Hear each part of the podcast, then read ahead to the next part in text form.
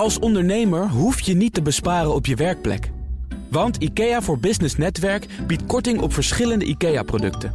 Word gratis lid en laat je werkplek voor je werken. IKEA, een wereld aan ideeën. Boardroom Panel. De gemeente Amsterdam zet de hakken in het zand. De stad wil alleen meebetalen aan het Zuidasdok... als het Rijk toch de portemonnee trekt voor de Noord-Zuidlijn. En er is opnieuw een noodkrediet verleend aan fietsproducent Axel... bekend van merken als Batavus en Sparta. Dat en meer bespreek ik in het Boardroom Panel met Anton Wiggers... bedrijvendokter, partner bij Themis Company... en Harmjan de Kluiver, hoogleraar ondernemingsrecht... verbonden aan de Universiteit van Amsterdam... en ook voormalig partner bij De Brouw. Welkom, fijn dat jullie er zijn. Goedemorgen. Met natuurlijk allereerst jullie eigen nieuws. Harmjan, jij hebt de loterij gewonnen, jij mag beginnen. nou, het, het, was niet, eh, het was niet eenvoudig om echt enorm nieuws te vinden in deze komkommertijd. Uh, maar ik heb eigenlijk een, een, een plukje nieuws wat staat voor iets groters.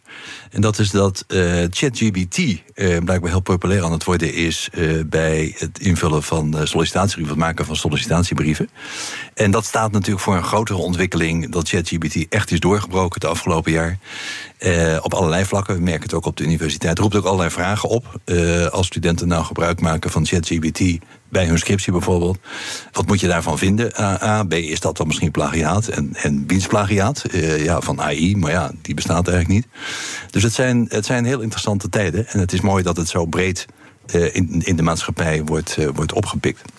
Het is mooi dat het zo breed wordt opgepikt, los van alle andere vragen die je erover nog te stellen hebt. Nou, dat vind ik wel, eh, omdat je ziet ook blijkbaar, althans dat is wat, eh, wat in dat stukje stond in het, in het FD, uh, dat ook mensen zeg maar, met minder uh, universitaire achtergrond of andere achtergronden de weg weten te vinden en daardoor gewoon betere sollicitatiebrieven schrijven, eerder worden uitgenodigd. Dus het heeft ook een, een, een, een werking die, ja, die breed door de samenleving heen de gelijkheid bevordert. Dat, dat, vind ik artikel trapte af met een voorbeeld van een mevrouw... die inderdaad niet haar sterke punt had gevonden... in het schrijven van sollicitatiebrieven. Werd, ja. toen ze ChatGPT had toegepast, plotseling wel uitgenodigd. Ja. Gaf aan, mijn zinnen waren anders, korter, minder verkleinwoorden... en mannelijker. Ja, ja, ja. Ja, ja, je moet ook jezelf blijven natuurlijk. Dit is gevaarlijk zijn, hè? Dus dat is een... Uh, ja, ik denk, uh, uh, we kunnen dit dan nog maar één keer goed beginnen. ja, nou, ik weet niet of dat nou, of dat, dat mannelijk, of dat nou zo, zo relevant is. Maar dat, dat, je, dat je natuurlijk mensen in staat stelt brieven te schrijven... en mee te doen aan het maatschappelijk verkeer op een manier... die aankomt bij degene die, waar ze iets van willen of waar ze een baan zoeken... dat is op zich wel een interessant aspect. We gaan naar jouw nieuws, Anton. Ja, uh, Sigrid uh, Kaag, vanmorgen mijn nieuws. Uh, voor de luisteraars, als je pagina 3 en 4 van het FD in elkaar vouwt, in de lengte... en je houdt hem naast pagina 2, dan heb je pagina 2 en 4... op dezelfde hoogte twee artikeltjes over Sigrid Kaag... In het ene artikel is ze een heks. En in het artikel wordt ze geprezen voor haar werk. En uh, wat ik opvallend vind, is dat ze eigenlijk een keuze heeft gemaakt. Wat, wat het beste past bij haar talent. Ze, ze wordt nu geprezen en verguisd. Ze wordt verguisd omdat ze eigenlijk snel weggaat. En nog geprezen vanwege het feit dat ze toch wel een goede minister is geweest van Financiën. Ja, er is een, een uh, oud rekenmeester van het uh, CPB, Wim Suiker. Die zich ook heeft gebogen over al die verkiezingsprogramma's die niet werden doorgerekend. En toen kwam Wim Suiker. Die heeft ook nog eens gekeken naar hoe Sigrid Kaag nu de staatsfinanciën achterlaat. Ja. En zijn conclusie is, macro-economisch uh, kon het aanzienlijk minder. Uh, met haar ministerie moet ik er ook bij zeggen. En al die mensen die daar ook hard werken. Uh, maar wat ik aardig vind, is dat ze dan toch een keuze maakt... bij datgene wat het beste past. Wat het beste bij haar talenten past. En dat is toch weer die diplomatieke rol oppakken. Want vind jij dan dat ze het als minister van Financiën... minder goed gedaan heeft? Dat je duidelijk kon zien... haar hart gaat toch echt sneller kloppen van buitenlandse kwesties... van diplomatieke zaken? Ja, dat laatste is eigenlijk gewoon een keuze, een politieke keuze geweest... bij de verdeling van, van, de, van de ministeries. maar je ziet gewoon dat ze haar passie volgt. En dat vind ik toch mooi. We gaan naar de resultaten van de fietsenproducent Axel. Die staan zwaar onder druk. Dat bedrijf van merken als Batavus en Sparta moeten langer dan verwacht kortingen geven om van zijn hoge voorraden af te komen. De nieuwe eigenaar, KKR, heeft een extra lening van 150 miljoen euro verstrekt, blijkt uit de analyses van kredietbeoordelers Fitch en Moody's. En Armjan, het is niet de enige producent van fietsen die in een dergelijke situatie zit. Die fietsen gingen natuurlijk als warme broodjes. En nog meer dan dat over de toonbank tijdens corona. Uh, daar is op ingekocht. Ja. Het zou misschien altijd wel zo blijven, of toch niet? En die hier, ja, ja, uh, ja, ja, ja. de koers is toch veranderd. Ja, ja, ja, ja. Ja, ik las uh, tijdens de kerstboek van Carney, de, de oud-gouverneur van, de, van de, de Engelse bank. En die zei: The most expensive words in economics is this time it's different. uh, en dat dachten ze bij de fietsen uh, misschien ook van nou, dit keer groeien de bomen tot in de hemel. Dat is niet zo. Aan de andere kant, het gaat hier om een bedrijf met twee hele sterke uh, financiers.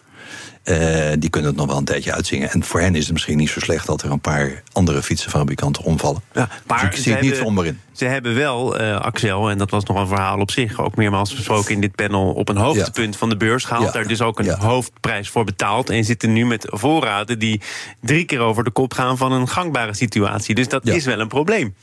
Ja, dat is wel een probleem. Maar ik ga ervan uit dat uh, KKR en, en, en Neslin dat die dit hebben gekocht met een, met een perspectief van toch minimaal vijf jaar en misschien ook nog wel wat langer. Uh, en ook wel rekening zullen hebben gehouden met iets van, van teruggang. Wat is de analyse van de bedrijven, dokter, aan deze tafel? Ja, veel schuld, hè, wat ook past bij het uh, private equity model. Hè, meer schuld erin. En uh, ja, dat betekent natuurlijk ook een verdamping van wat waarde. Uh, ik denk dat ze toch goed huiswerk hebben gedaan wat ze meestal doen. die kennen die berekeningen niet, maar de markt is natuurlijk wel veranderd. Hè, want toen zij het kochten waren er grote, grote tekorten. de producenten lagen allemaal stil in, in het Verre Oosten. En gelijktijdig is er ook nog iets anders gebeurd. De mode is veranderd. Hè. Die, zeg maar, die fatbikes zijn zeg maar, opgekomen. En bovendien, de batterijen van, van fietsen worden niet beter beter naarmate ze ouder worden. Dus ze hebben echt wel een groot probleem. En ook veel, uh, veel recalls gehad, heb ik begrepen. Dus ik denk dat uh, mijn analyse is dat ze eigenlijk wat ze zouden moeten doen, die ook doen. Hè. Ze gaan een fabriek sluiten in Duitsland. Ze gaan het merk Rally saneren. Ja, dat doe je toch niet? Nee, dat is dat toch wielerhistorie ja, die aantast? Een Bohemian Rhapsody is het Bohemian Rhapsody onder de fietsen. Ja, maar, uh, maar misschien moet je dat nog even uitleggen voor de luisteraars onder de 40 straks. Nou ja, ik kan er wel iets over zeggen. De, een belangrijke Nederlandse wielerploeg, Rally, heeft jarenlang de Tour de France naar zijn hand gezet. Peter Post. Peter Post, ploegleider, fameus ploegleider. Uh, en nu wordt er flink gesneden in dat merk. En in een Duits merk. Ja. Ghost. Ja, dat moeten ze ook doen, hè, want uh, je, moet, je moet ook focus aan brengen. Maar die markt is echt wel, echt wel veranderd. Dat kun je dan nog doen. Je kunt kijken of je nieuwe markten kunt vinden. Uh, nou, die hebben niet stilgestaan. En bovendien ja, zul je dan toch moet af moeten van die schuld. Die moet ook worden terugbetaald. Wat ze ook vaak doen, is oude schulden weer herfinancieren. Dus denk niet dat je het alles kunt optellen. Maar de schuldenpositie van het bedrijf is erg hoog geworden. Anton, als die schuldenpositie zorgwekkend is... die kredietbeoordelaars die hebben dat schuldpapier afgewaardeerd... naar een zorgelijke status. Dat betekent ook dat je steeds meer geld betaalt voor die schulden, toch? Zeker, zeker. Maar dat wordt betaald door de, door de mensen die in KKR hebben geïnvesteerd. Dus, dus dat is geen probleem. Er zit 180 miljoen bankschuld in, die was vol, volgetrokken begrepen Dus dat zal het probleem niet zijn. De liquiditeit is het probleem daar niet. Maar op een gegeven moment zullen we wel stoppen met, uh, met, met verder uh, financieren van schulden. En dat betekent dat ze of de blieden nemen en gaan verkopen, op zoek naar een verkoper. Of proberen nog vijf of zeven jaar te blijven hangen en hopen dat het beter wordt. En dan denk jij, Harmjan, is het binnen die vijf, zes, zeven jaar wel weer gepiept? Dan kunnen die investeerders er met een gerust hart uit. Ja, dat, dat, dat verwacht ik wel. Uh, kijk, het is natuurlijk zo dat, dat uh, de bonds erg in waarde dalen. Maar dat biedt ook weer een mogelijkheid om bijvoorbeeld die bonds op te kopen. Hè? Dat zie je natuurlijk ook regelmatig. Dus ze hebben wel een aantal opties. Uh, wat Anton zegt, kijk, het zijn, het zijn diepe zakken. En dat geeft mogelijkheden. En dat samen met nodig snijwerk kom je er wel. Maar als zo'n kredietbeoordelaar, en daar is volgens mij sprake van in een analyse, zegt deze kapitaalstructuur is onhoudbaar. Ja. Dan lees ik dat als hopelijk goed geïnformeerde krantenlezer. denk ik, nou dat zijn wel termen die er dan uh, tegenaan wordt gegooid. Een onhoudbare kapitaalstructuur. Daar moet dan wel iets structureel aan veranderen. Ja, maar dat kan je natuurlijk vrij makkelijk doen als je, als je grote aandeelhouders hebt. Hè? Uh, er zullen ongetwijfeld grote schulden zijn aan die grote aandeelhouders. Nou, met een pennenstreek kan je dat omzetten in kapitaal. En is opeens de schuldenpositie een stuk aantrekkelijker geworden. Of je kan andere, andere eh, trucs uithalen. Dus ik, ik ben daar niet zo vreselijk bezorgd over. Maar als de markt natuurlijk slecht blijft de komende vijf jaar, ja, dan, dan kom je op het punt uh, wat Anton aan heeft zeggen. Nou, dan, dan nemen we ons verlies en stappen we eruit. Uh, Overigens, die fietsen, die voorraden, dat zijn dus allemaal fietsen die niet verkocht worden. De waarde van die voorraad is enorm opgelopen. Deels draaien leveranciers op voor de financiering daarvan. Dat was het eerdere verhaal. Hoe hou je als Axel nu die relatie een beetje goed? Ja, dat is een goed, goed punt. Ik denk dat die, die toeleveranciers zijn echt wel uitgeknepen. Maar die hebben ook wel een positie. Hè, op dat zij gaan stoppen met het leveren van onderdelen. Bij, bij merken die wel worden doorontwikkeld heb je het probleem gezamenlijk gemaakt. Dus die zullen echt wel nu aan hun geld komen. Ze zullen maximaal worden uitgeknepen, zo gezegd, wat private equity vaak doet. Maar ik denk op, op het moment dat er zeg maar echt problemen gaan ontstaan, zullen ze toch gaan betalen.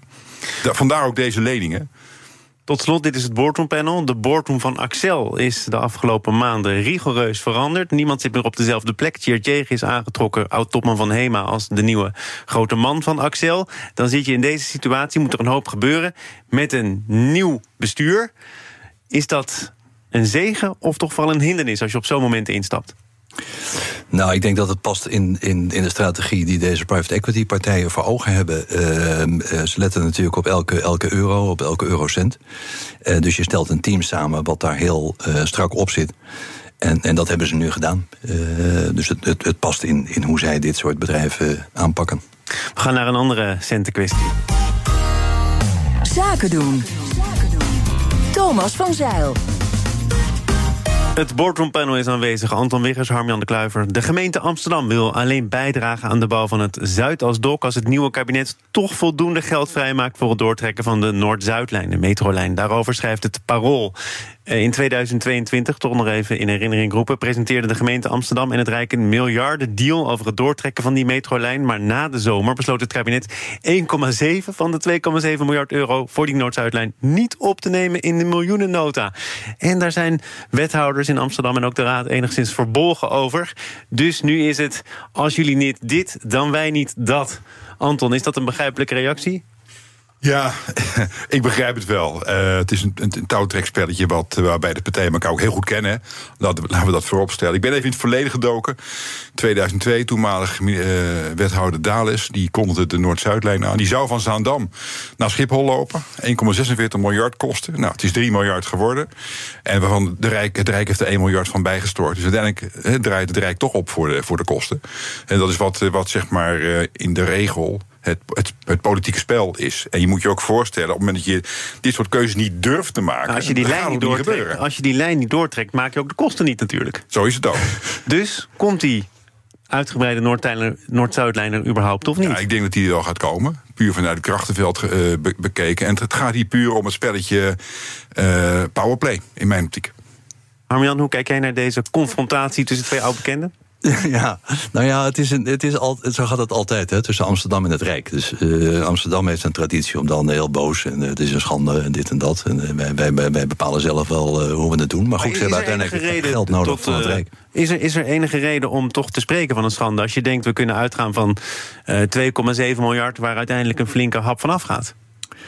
Nou ja, je zegt zelf, we kunnen uitgaan van 1,7 of 2,7 miljard. Nou, blijkbaar is dat niet zo, want het Rijk kon dat weer ongedaan maken. En als dat echt een harde toezegging was geweest, eh, dan, dan hadden we inmiddels wel eh, bij de rechter gestaan, neem ik aan. Dus zo'n harde toezegging was het blijkbaar niet. Stond niet in het regeerakkoord. Er speelt overigens ook nog bij dat dit kabinet uh, ook. Uh, op grond van verschillende adviesrapporten steeds meer oog heeft gekregen voor de regio. Dit kabinet heeft zelf gezegd: we hebben de afgelopen jaren vooral versterkt wat al sterk was. Lees grote projecten in de Randstad. Lees grote projecten binnen de G4-gemeente. Uh, het ministerie moet bezuinigen. Is het dan zo gek dat er ook wordt gekeken naar dit soort prestigeprojecten? Ik denk dat dat ook. Uh... Uh, ongetwijfeld zul je hier naar moeten kijken. En ik zou ook zelf graag, ik kom uit Groningen oorspronkelijk, en die treinverbinding wel eens een keer willen zien. Uh, je ziet er toch dat het investeringsklimaat toch wel met name zeg maar, hier plaatsvindt, investeringen. Maar logischerwijs krijg je die discussies ook. Maar uiteindelijk zal het er toch gaan komen. Hoe los je dit nu uh, een beetje netjes op uh, zonder dat het uitgebreid in de pers wordt uh, beschreven, Harmjan?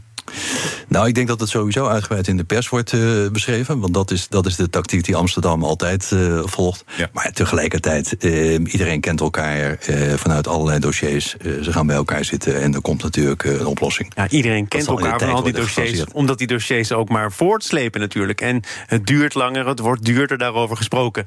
Ja. Op het moment dat dit naar buiten kwam, werd ook bekend dat dat hele Zuidas-dok-project rondom het ja. station Amsterdam-Zuid weer duurder wordt dan eerder was geraamd. hè? Zo'n 600 tot 800 miljoen euro duurder. Zou dat Ja. een toeval zijn? dat Ja. dat op dit moment eh, door eh, de minister, demissionair minister Harbers... Nou, dat, dat denk ik niet. Ik denk dat daar goed over na wordt gedacht. Maar je moet natuurlijk realiseren dat, eh jij zegt ze kennen elkaar, eh, maar, maar die zitten natuurlijk ook in heel veel ondernemingen bijvoorbeeld. Als je denkt aan Schiphol, eh, daar zit Amsterdam in als aandeelhouder en het Rijk als aandeelhouder. En daar liggen ze ook eh, met elkaar overhoop. En uiteindelijk komt er altijd wel weer een oplossing uit. Maar je zag dat Amsterdam een paar weken geleden zei van nou wij gaan er nu alles aan doen om een activistische aandeelhouder te worden. In de zin dat we het aantal vluchten terug willen dringen, et cetera. Wat natuurlijk ook weer effect heeft op, op de winst die Schiphol gaat maken. En de middelen die beschikbaar zijn. Ja, en Dus, en het, ja. zijn, het zijn eh, politieke gevechten die worden uitgevochten boven de hoofden van de aannemers of de onderaannemers die betrokken zijn bij dergelijke projecten. Die waarschijnlijk toch ook wel willen weten waar ze aan toe zijn. Of zeggen van ik doe alleen mee als bepaalde risico's zijn afgedekt. Ja. Het wordt er allemaal niet eenvoudiger op, eh, Anton. Nee, je zoekt steeds meer grote aannemers eh, niet meer inschrijven op dit soort grote projecten, omdat het risico gewoon te hoog wordt. Daardoor. En dus komen die grote projecten ook steeds lastiger van de grond. Ja, dan gaan er toch buitenlandse partijen meepraten. Uiteindelijk wordt het toch weer onderverdeeld met, met kleine aannemers. En eh, wordt het spel zo gespeeld. Maar ja, die onzekerheid begrijp ik ook. Ik heb ook eh, klanten die zeg maar hierin mee hebben gespeeld in het verleden. Ja, die, die worden daar knettergek van. Het kost dus veel meer tijd. Je moet heel veel tijd en dus ook geld beschikbaar stellen om die berekeningen continu eh, bij te werken en activiteiten uitvoeren. Het wordt niet vergoed in de meeste gevallen. En dat is in het geval van de Noord-Zuidlijn nu wel sprake van. Hè? Er blijft budget om eh, het doortrekken van die lijn te onderzoeken de komende jaren. Ja, maar het was al een keer gebeurd, zal ik maar zeggen. Hè. Dus, maar het is, het is ook echt het is op zich een, een soort eh, ja, politiek spel. Een beetje een tragicomedie. Maar ik ben ervan overtuigd dat het uiteindelijk toch gaat komen. Intant Boardroom Panel zijn te gast. Anton Wiggers, bedrijvendokter, partner bij Themis Company... en Harmjan de Kluiver, hoogleraar ondernemingsrecht... verbonden aan de Universiteit van Amsterdam... en voormalig partner bij De Brouw. Het is het laatste Boardroom Panel van dit jaar... en daarom nemen we even de tijd om terug te blikken op eh, 2023... het jaar waarin eh, topman Hein Schumacher van Friesland Campina... overstapte naar Unilever, de krimp van Schiphol doorging... en toch weer niet.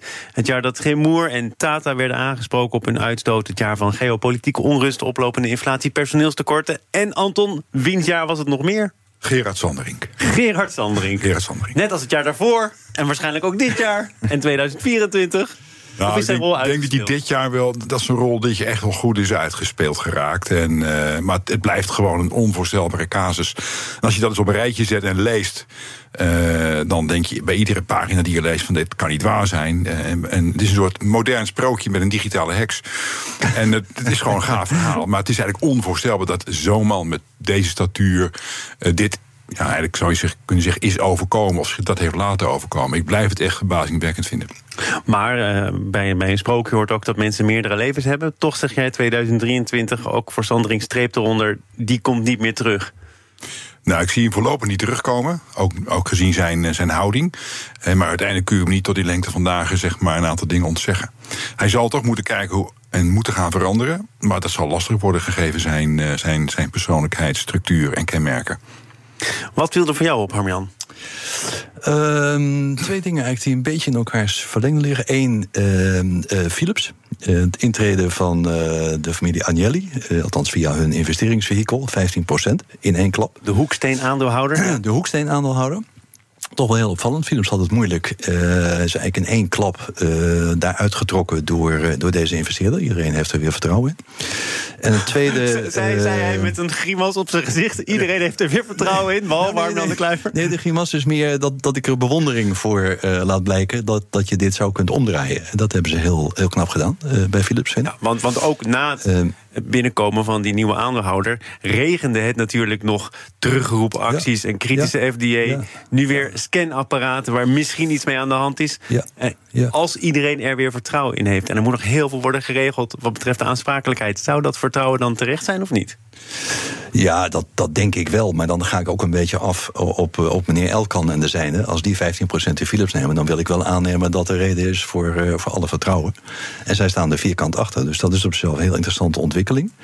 Eh, het- in verlengde daarvan, eh, toch ook wel een heel belangrijke ontwikkeling. Eh, vorige week is er overeenstemming bereikt in Europa over de CSDDD. Iedereen denkt, what the hell is dat? Maar de, de CS Triple D. En dat wordt heel eh, strakke wetgeving over duurzaamheid eh, klimaat en wat iets meer zijn. En daar, dat gaat in de boardroom echt een hele grote rol spelen de komende jaren.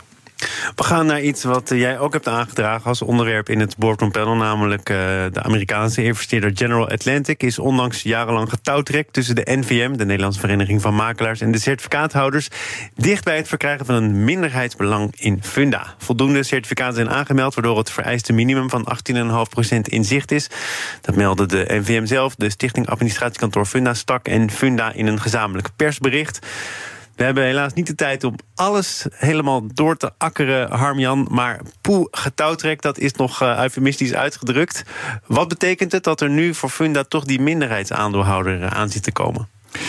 Ja, ik denk dat dat een heel wezenlijke verandering eh, gaat zijn. Dat sluit aan bij een onderwerp wat we natuurlijk eerder bespraken bij, uh, in het kader van de fietsenfabriek Acel. Uh, als daar private equity in komt, dan ga je echt wel hele andere ontwikkelingen zien.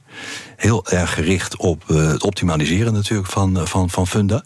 En dat was nou juist iets wat de NVM niet zozeer voor ogen stond. Die wilden het helemaal ter beschikking houden van de makelaars van hun eigen leden.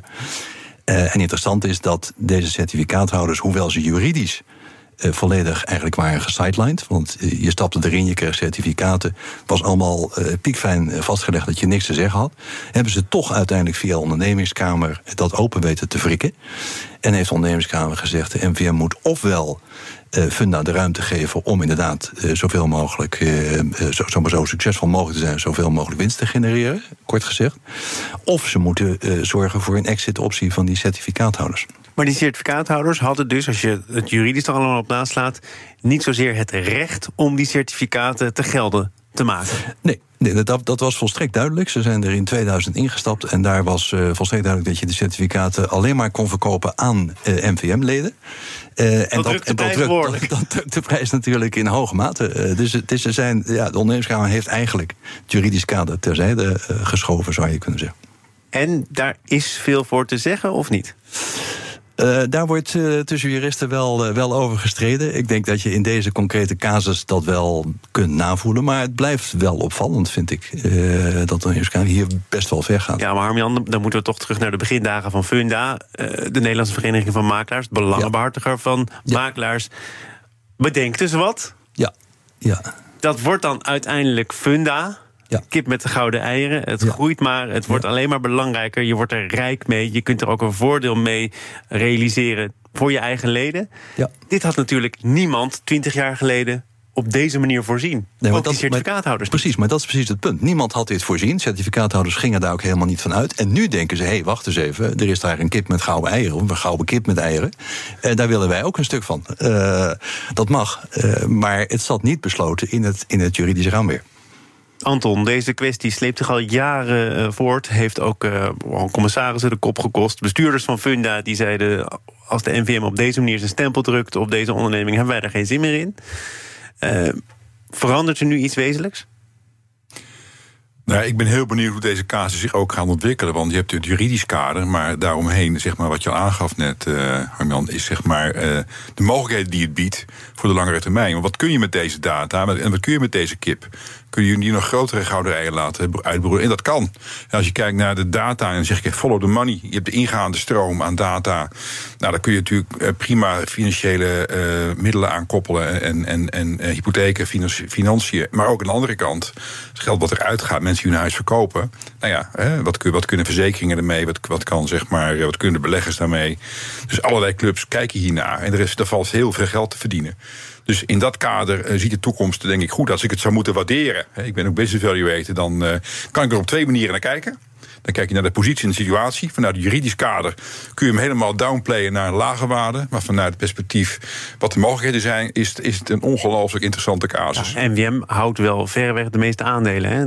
Als het uh, zo zou zijn dat uh, die nieuwe Amerikaanse investeerder net boven de 25 of de 20 procent uitkomt, dan houdt dat ook nog altijd in dat de NVM meer dan 70 procent van de aandelen in handen houdt. Zeker, maar als er heel veel geld mee mee gemoeid is, dan zul je zien dat standpunten kunnen veranderen. Ja, en, en, en de, de, General Atlantic heeft wel goed voor zichzelf gezorgd. En ook gezegd, wij willen echt een, een strategie die gericht is op maximalisering van het resultaat. Als dat niet zo is, is er een, een, een, een terugverkoopoptie als het ware voor General Atlantic aan NVM. En dat willen ze natuurlijk ook niet. Dus ze zijn wel een beetje in, in de greep genomen door deze private equity partij. Uh, en, en tot slot, na het korte college van Harmjan, hoe oordeel jij over de rol van de ondernemingskamer? Nou ja, de vraag is of deze kwestie wordt doorgezet of niet. Uh, ik, ik moet je zeggen dat ik dat niet kan inschatten.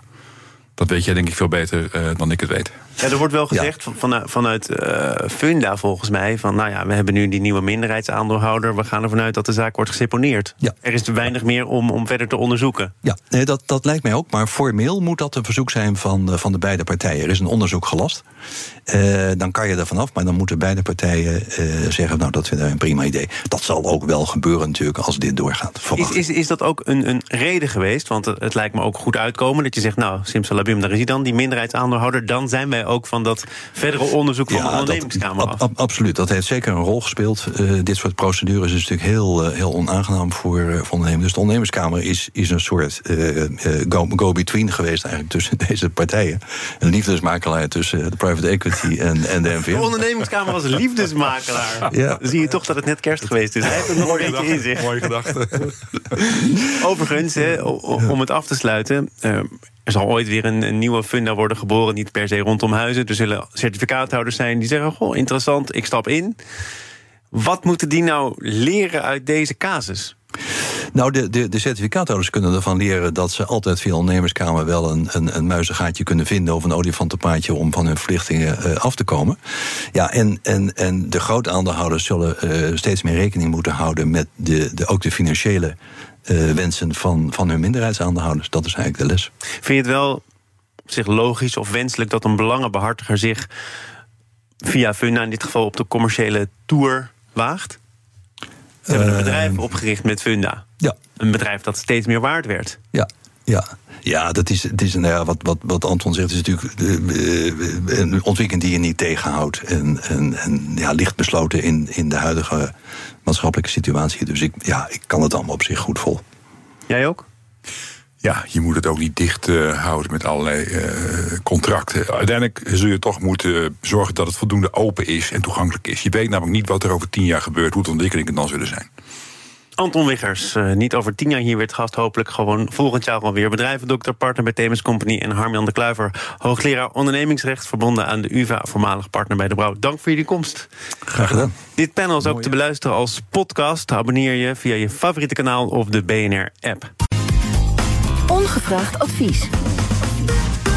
Accountants, beleggers en bedrijven zijn het eens over een verklaring omtrent risicobeheersing, een zogenoemde VOR, zo meldt het FD maandag. Met het ondertekenen van een extra verklaring in hun jaarverslagen nemen bedrijven meer verantwoordelijkheid voor de financiële en maatschappelijke risico's die ze lopen. Het is tijd voor advies, ongevraagd advies aan die bedrijven die een VOR moeten ondertekenen. Komt van Mijntje Lucraat Rovers, hoogleraar Corporate Governance aan de Tilburg University en TIA School for Business and Society. Uh, en zo af en toe ook te horen in dit panel. Mijntje, goedemorgen. Goedemorgen. De opstellers van de Nederlandse Corporate Governance Code voor goed ondernemingsbestuur hebben de verklaring omtrent risicobeheersing, om dat volledig uit te spreken, afgesproken met de NBA, de beroepsorganisatie voor accountants. Uh, overigens net voor het sluiten van de markt, want de minister had ze een deadline gegeven om tot overeenstemming te komen. Wat houdt het nu precies in? Uh, ja, wat het uh, ervoor. Uh, ik, ik, denk dat jij ook af en toe wel een spraakverwarring hebt dat je eigenlijk wil zeggen ver verklaring omtrent gedrag. Maar ja. het is inderdaad een verklaring omtrent uh, risicobeheersing. En het wordt onderdeel van de Corporate Governance Code. En zoals je weet is dat een, een zelfregulerende code. Dus die wordt afgesproken met de schakende partijen. Die daarin uh, nou, eigenlijk ook op, op hoofdlijnen met elkaar afspreken hoe ze zouden vinden dat goed ondernemingsbestuur eruit zou moeten zien. En daar staat al een principe in over risicobeheersing. He, bijvoorbeeld dat het bestuur verantwoordelijk is voor het identificeren en beheersen van de risico's, verbonden aan de strategie en de activiteit van de, van de vennootschap. En in deze verklaring uh, is daar met name aan toegevoegd. Uh, want het bestuur moest al in het bestuursverslag bijvoorbeeld verklaren um, of er eventuele uh, tekortkomingen waren in de risicobeheersingssystemen. Of de, dat de financiële verslaggeving geen onjuistheden van materieel uh, belang bevatten. Maar er is nu aan toegevoegd dat er ook een bepaalde uh, mate van zekerheid zou moeten worden gegeven over de duurzaamheidsverslaggeving. Nou, dat is dus wat we weten dat dat in het, op ons afkomt, die CSRD, die nieuwe vormen van Europese duurzaamheidsverslaggeving. En dat ze ook iets verklaren over de, uh, het niveau van zekerheid over die risicobeheersingssystemen. En het bijzondere is, als ik nog even af mag, dat die, dat die, dat die monitoringcommissie die normaal gesproken die code af, um, afgeeft, die is eigenlijk vorig jaar opgeheven. Die stond onder voorzitterschap van Pauline van der Meermoor. Die zijn met een kleine aanpassing gekomen op de vorige code. En die vorige code die was opgesteld onder leiding van Jaap van Manen. En Jaap van Manen heeft nu een werkgroep geleid. Terwijl er eigenlijk geen commissie Corporate Governance Code meer was, heeft Jaap van Manen een werkgroep geleid om te komen tot inderdaad het opnemen van deze verklaring in de code. En ik denk inderdaad om te voorkomen dat het anders wetgeving zou worden, want daar, daar was ook een roep voor. Uh, en het is dus ook niet in overeenstemming met de NBA, maar het is dus echt in. De brief is ook gestuurd aan de minister van Financiën. Dus om dan deze teksten op te nemen in de, in de Corporate Governance Code. En verschuiven er door deze afspraken nu verantwoordelijkheden van accountants naar bestuurders van bedrijven, of moet ik het zo niet zien? Uh, nee, dat wordt denk ik wel nadrukkelijker opgenomen. En, en dat is ook waarom er best wel een angst is, ook bij bedrijven. Hè, dus dat er soms een weerstand is om dit soort dingen op te nemen. Is dat je. Het voelt als een in-control statement. Hè, dus dat je eigenlijk verklaart dat je weet wat er speelt. En wat, um, dat je daar uh, nou ja, ook precies weet wat je zou moeten doen. Maar dit gaat over risico's. Nou, het kenmerk is van, van een risico is dat je namelijk niet helemaal zeker weet wat er gaat gebeuren, hoe het gaat gebeuren. Je kan een kans inschatten dat iets gaat gebeuren, maar dat is nog steeds maar een kans. En dus is er ook een beetje een angst natuurlijk bij bedrijven dat als je hier verklaringen over op gaat nemen, die later niet waar blijken te zijn, maar ja, het waren nu eenmaal risico's en kansberekeningen, dat je daar dan op wordt, aangesproken. En dat is denk ik een beetje de angst. Um, aan de andere kant heeft de werkgroep die dit nu heeft opgesteld allerlei uh, nou, uh, toelichtingen daarbij opgenomen. Uh, dat het niet gaat om een 100% zekerheid. Je moet een bepaalde mate van zekerheid afgeven hoe je denkt dat die systemen werken. Maar het zijn nu eenmaal risico's, dus die 100% zekerheid kan niet gegeven worden. En bedrijven krijgen dus ook de mogelijkheid om in hun verklaring aan te geven. Een kleine update maakt een wereld van verschil. Daarom biedt IKEA voor Business Netwerk gratis snelle interieurtips en ideeën. Word gratis lid en laat je werkplek voor je werken. IKEA, een wereld aan ideeën.